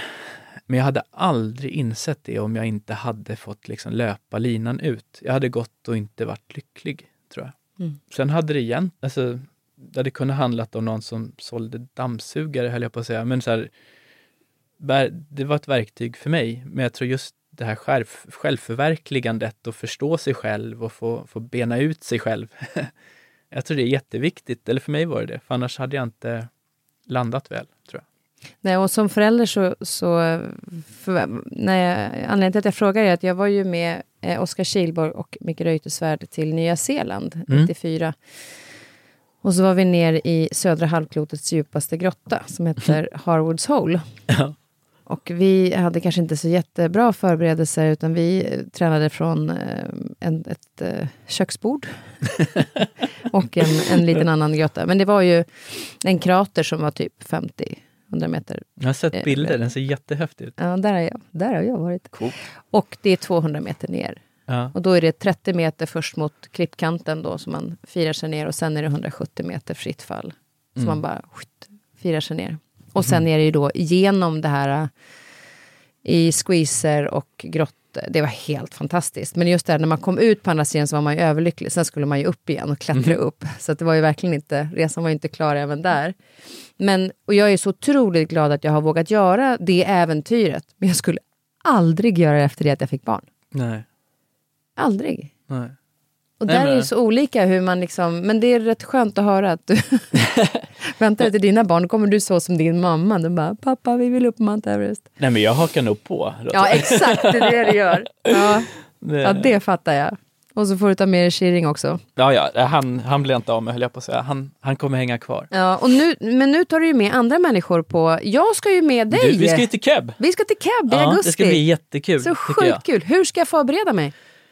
Nej, men jag, alltså, du tränar ju redan järnet, så där tror jag att du är klar. Det är ju mer så här, fixa rätt utrustning, köpa den i tid, se till att den funkar ordentligt. Skor och sånt är ju en klassiker, att man köper två dagar innan och sen får man skavsår. Och, Ja, den ska vi undvika. så den undviker vi. Nej, men jag tror, vi har ju haft en träff nu där vi liksom har Ja. gått igenom allt. Jag tror mer bara se till att komma så bra förberedd man bara kan och sen njuta. Det är Vi sån jäkla dröm att få göra det här. Och Ja. få göra det med dig. Det Men hur är det att uppleva och se andra människor få uppleva en sån här... För det har ju varit en dröm för mig att komma upp på Keb. Och så Ja. får du ta med människor som får uppleva det här, att se glädjen i dem.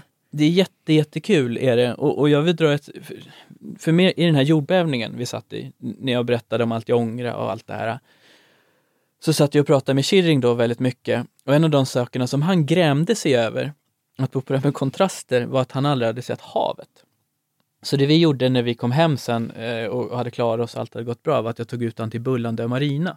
Ja, du bjuder hit honom till Sverige. Ja, och Mm. sen så eh, åker vi ut på havet. Och, och han har klättrat över 16 gånger och man tror att han liksom har upplevt allt och inte har några... Eh, men han skriker, du har ju sett klippen, han Ja, skriker ju som ett barn. Vi hade ett möte då med, eh, ska jag säga att jag lyssnade när, när, eh, inför det här med Kebnekaise med Ja. Robin och då visar du klippet när han ska bada. Det är helt underbart. Ja, och det, samma är lite när man tar ut människor så i bergen, att, att saker som jag nästan har börjat ta för givet, får man, ja just det, så här är det ju.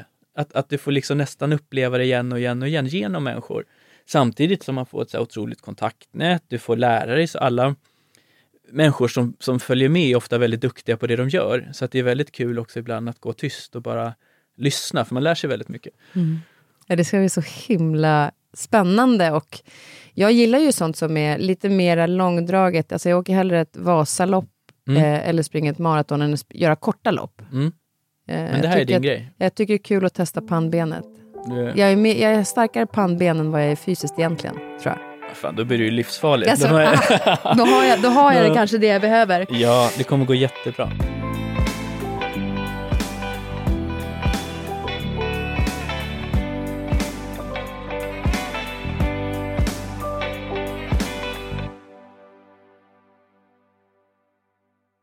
Men jag tänker också så här, du var inne på det innan vi eh, avrundar, så vill Mm. jag ju eh, lyfta det här med din stora dag som betyder väldigt mycket för dig. Ja. Eh, vad, vad har du gjort för olika saker med dem? Eh, nej men det, när jag kom in, mitt sätt att bidra blev det lite först så pratar jag om det överallt jag kan såklart, men, men ofta de här barnen och ungdomarna, man känner sig kanske lite ensam ibland. Att du sitter på ett sjukhus eller du har dina behandlingar så känner man att jag är ensammast i världen. Och samtidigt så vet ju vi som jobbar, alltså de är, barnen och ungdomarna sitter ju överallt, fast på olika avdelningar bara ibland. Så det vi gjorde var att vi satt bland annat ihop ett äventyrsläger som är uppe i Höga Kusten nu där vi klättrar och grillar korv och ja, men paddlar kajak eller allt möjligt. Men, men egentligen det, det stora syftet är ju att de här barnen och ungdomarna ska träffa varann. Att liksom utbyta erfarenheter, att få, få en gemenskap, känna att man, Jo, man det är barn som är sjuka på olika sätt. på olika sätt. Eh, och, och samma som min stora dag tycker jag är jätteduktiga med är ju även det är barn och ungdomar man ser, men det är också anhöriga och folk runt omkring som, som också tar liksom skada av det här. Så att man kan gå in och önska stora dagar, man kan följa med på läger och, och allting är kostnadsfritt. Så, så känner man att man är i målgruppen kan man ju jättegärna gå in och titta på hemsidan om det är något som är för er. Och, och är man inte det så kan man ju absolut gå in och kolla om man skulle vilja, vilja bli volontär. Eh, för att vara en del av det här är superhäftigt. Jag har en kompis som, eh, som eh, gick in och... För hon var just där att jag vill göra någonting för Ja. någon annan. Och då gick hon in och anmälde sig som volontär. Och hon, Vad kul, vad tyckte ja, hon då? Ja, hon älskar det. Ja, hon är också sån här... Eva heter hon, hon Mm. har jobbat som flygvärdinna i många år och Mm. eh, tänker på allt och alla hela tiden. Och sen tror jag det också lite grann det här att, att när du har det i dig så finns det ju... Det är så fint att vi via min stora dag ge andra möjlighet som inte riktigt vet vad kan jag göra. Ja, visst. Och så får visst. du möjligheten därigenom. Du får alla verktyg. Ja, precis. Nej, hon Ja. älskar det. Hon Ja, älskar vad det. kul, vad roligt. Eh, och sen så vill jag också det med miljön är också väldigt viktigt för dig. Mm. Eh, jag vet att ni har en jacka ja, som det, du gärna får berätta om, för det har ju med miljön att göra. ja, men så här, ung och dum höll jag på att säga, men jag är ju inte ung längre, men dum. Det, hur svårt kan det vara, tänkte jag, att, att ta fram Modeindustrin är världens näst största utsläppsmarknad. 160 miljarder ton kläder produceras varje år och 60 procent slängs inom loppet av ett år. Det är så mycket som liksom är konstigt i det där som man kanske inte pratar om i den utsträckning man borde. Och då tänkte jag så att, ja men hur tar man fram en jacka som är så bra för miljön som det bara går? Och då kom vi snabbt på att det går inte att ta fram en jacka som är bra för miljön. Allt har en kostnad. Så vi gjorde så bra vi kunde. Så vi gjorde den av skräp och egentligen restmaterial från liksom större varumärkensproduktioner. Skulle frakta över den med båt då från, från eh, eh, Shanghai där fabriken görs i samma liksom, fabrik som de här stora varumärkena. Och sen fastnar ju det här fraktfartyget i den här Suezkanalen och sen börjar folk flyga över grejerna och då blev det ju, ja men säg, är det här något du säger nu Robin eller ska du göra det här på riktigt? Så, så vi stod ju fast vid båten, missade hela den här vintersäsongen eh, som kom så att vi släppte ju jackorna lagom tills det började bli varmt. Men det har gått jättebra. Så att eh, nu säljs jackan bland annat på Kebnekaise fjällstation och Ice Hotel. Vi säljer den via hemsidan. Och tanken är väl att, att liksom skapa en jacka som inte är specifik för klättring eller skitouring eller vandring eller gå ut med hunden. Utan den här jackan ska funka till allt. Den ska vara hållbar, den ska vara schysst framtagen. Och, och sen har vi även sett till att välsigna den. Så i den här välsignelsen som vi pratade om innan Mount Everest med det här halsbandet, ett sånt halsband följer med jackan. Nej, vad fint. Och tanken är på något sätt att liksom skapa en vilja eller ett värde i jackan så att du vill laga den istället för att kasta den då direkt. Jag lovar att den håller om du lovar att ja, äh, laga den. Mm. Så att, äh, men den funkar bra. Vi, vi har kört lite uppe i, i eh, Lofoten nu också med några bergsguider där. De, den har hållit och så var det någon JAS-pilot som skulle ta upp den nu och testa den i, i vad heter det, Okay. 9G, eller Ja, jag vet inte vad det heter. Ja, har. Mm.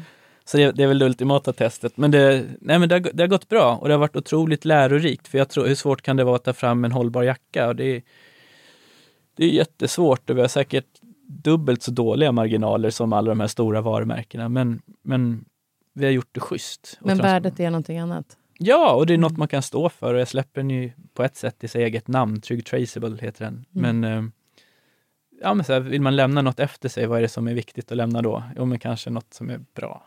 Men tror du att det också kommer av att det det du har fått sätta världen? Att det har fått en större betydelse för dig? Ja, jag är övertygad om det. Alltså just den här, eh, det var en sak för mig att tänka innan, så här, hur, hur är det den dagen man går bort? För den, den, den har alltid funnits där på något sätt. Men det var en annan sak att faktiskt uppleva det på riktigt och så här, vad vill jag stå för? Vad vill jag bli ihågkommen för? Vad vill jag att folk ska tänka om mig? Så här, ja men fan, Robin han höll budget varje år, fan vad bra han var. Eller är det någon som säger, ja men han fanns alltid där, han fick mig alltid att skratta, han var, han var, han var snäll.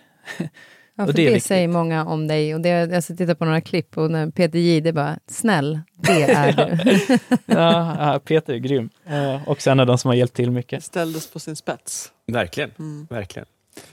Vi tränade ju tillsammans innan du satte igång hela den här äventyrarbaletten med de största bergen. Och jag kan säga att du är genuint snäll Robin. Så att då har du bara blivit snälla. ännu snällare.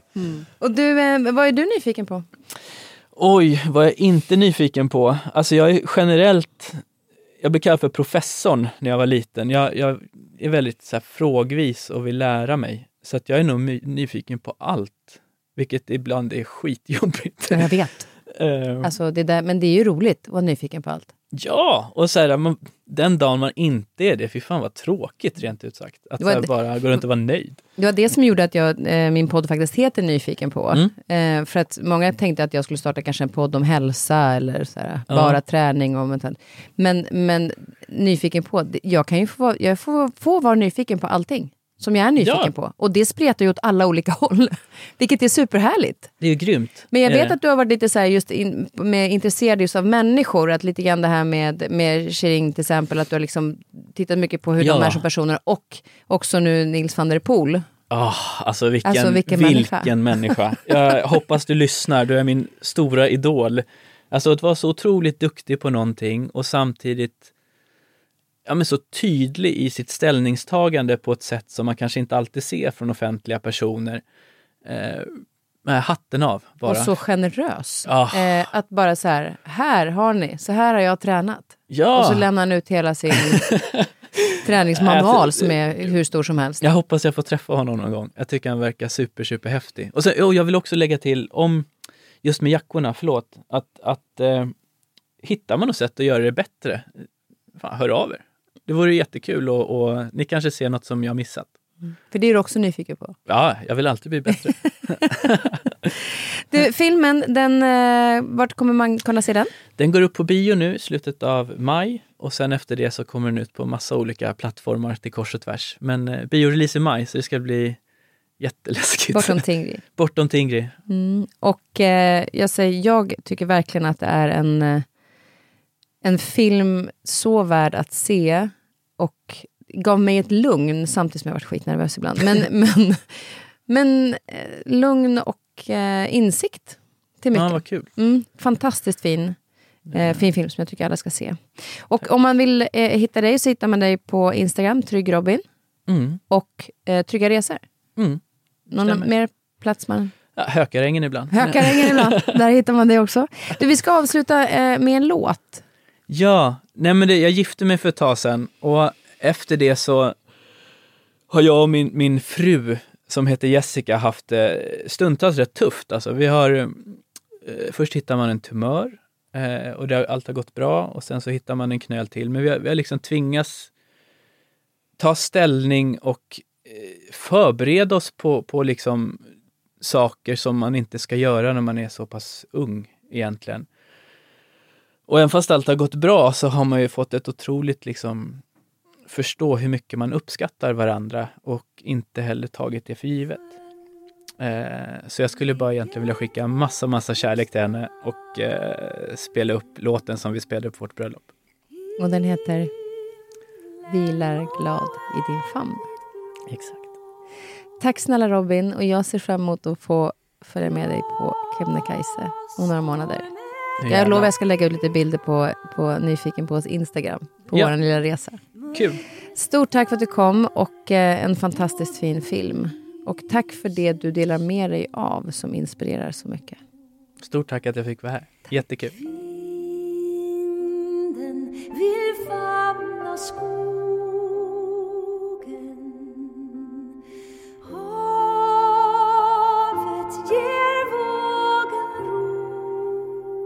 Nästa vecka kommer läkaren och professor i molekylär medicin Anders Rosengren som skrivit boken Hela livet.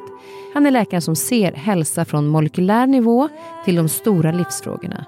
För det är först då när vi väver samman kunskapen och livet som vi kan nå hållbar hälsa. En läkare, han är en läkare som älskar vetenskap och även ser till andligheten och livet. För tillsammans är det läkande. Missa inte nästa veckas avsnitt.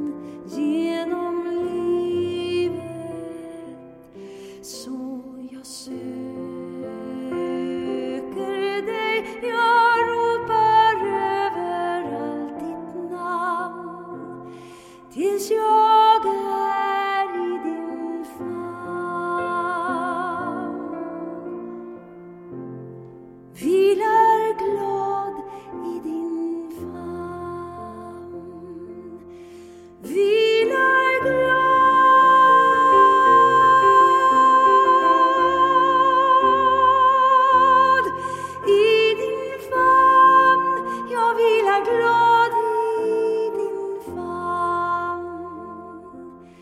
Den här podcasten är producerad av Perfect Day Media.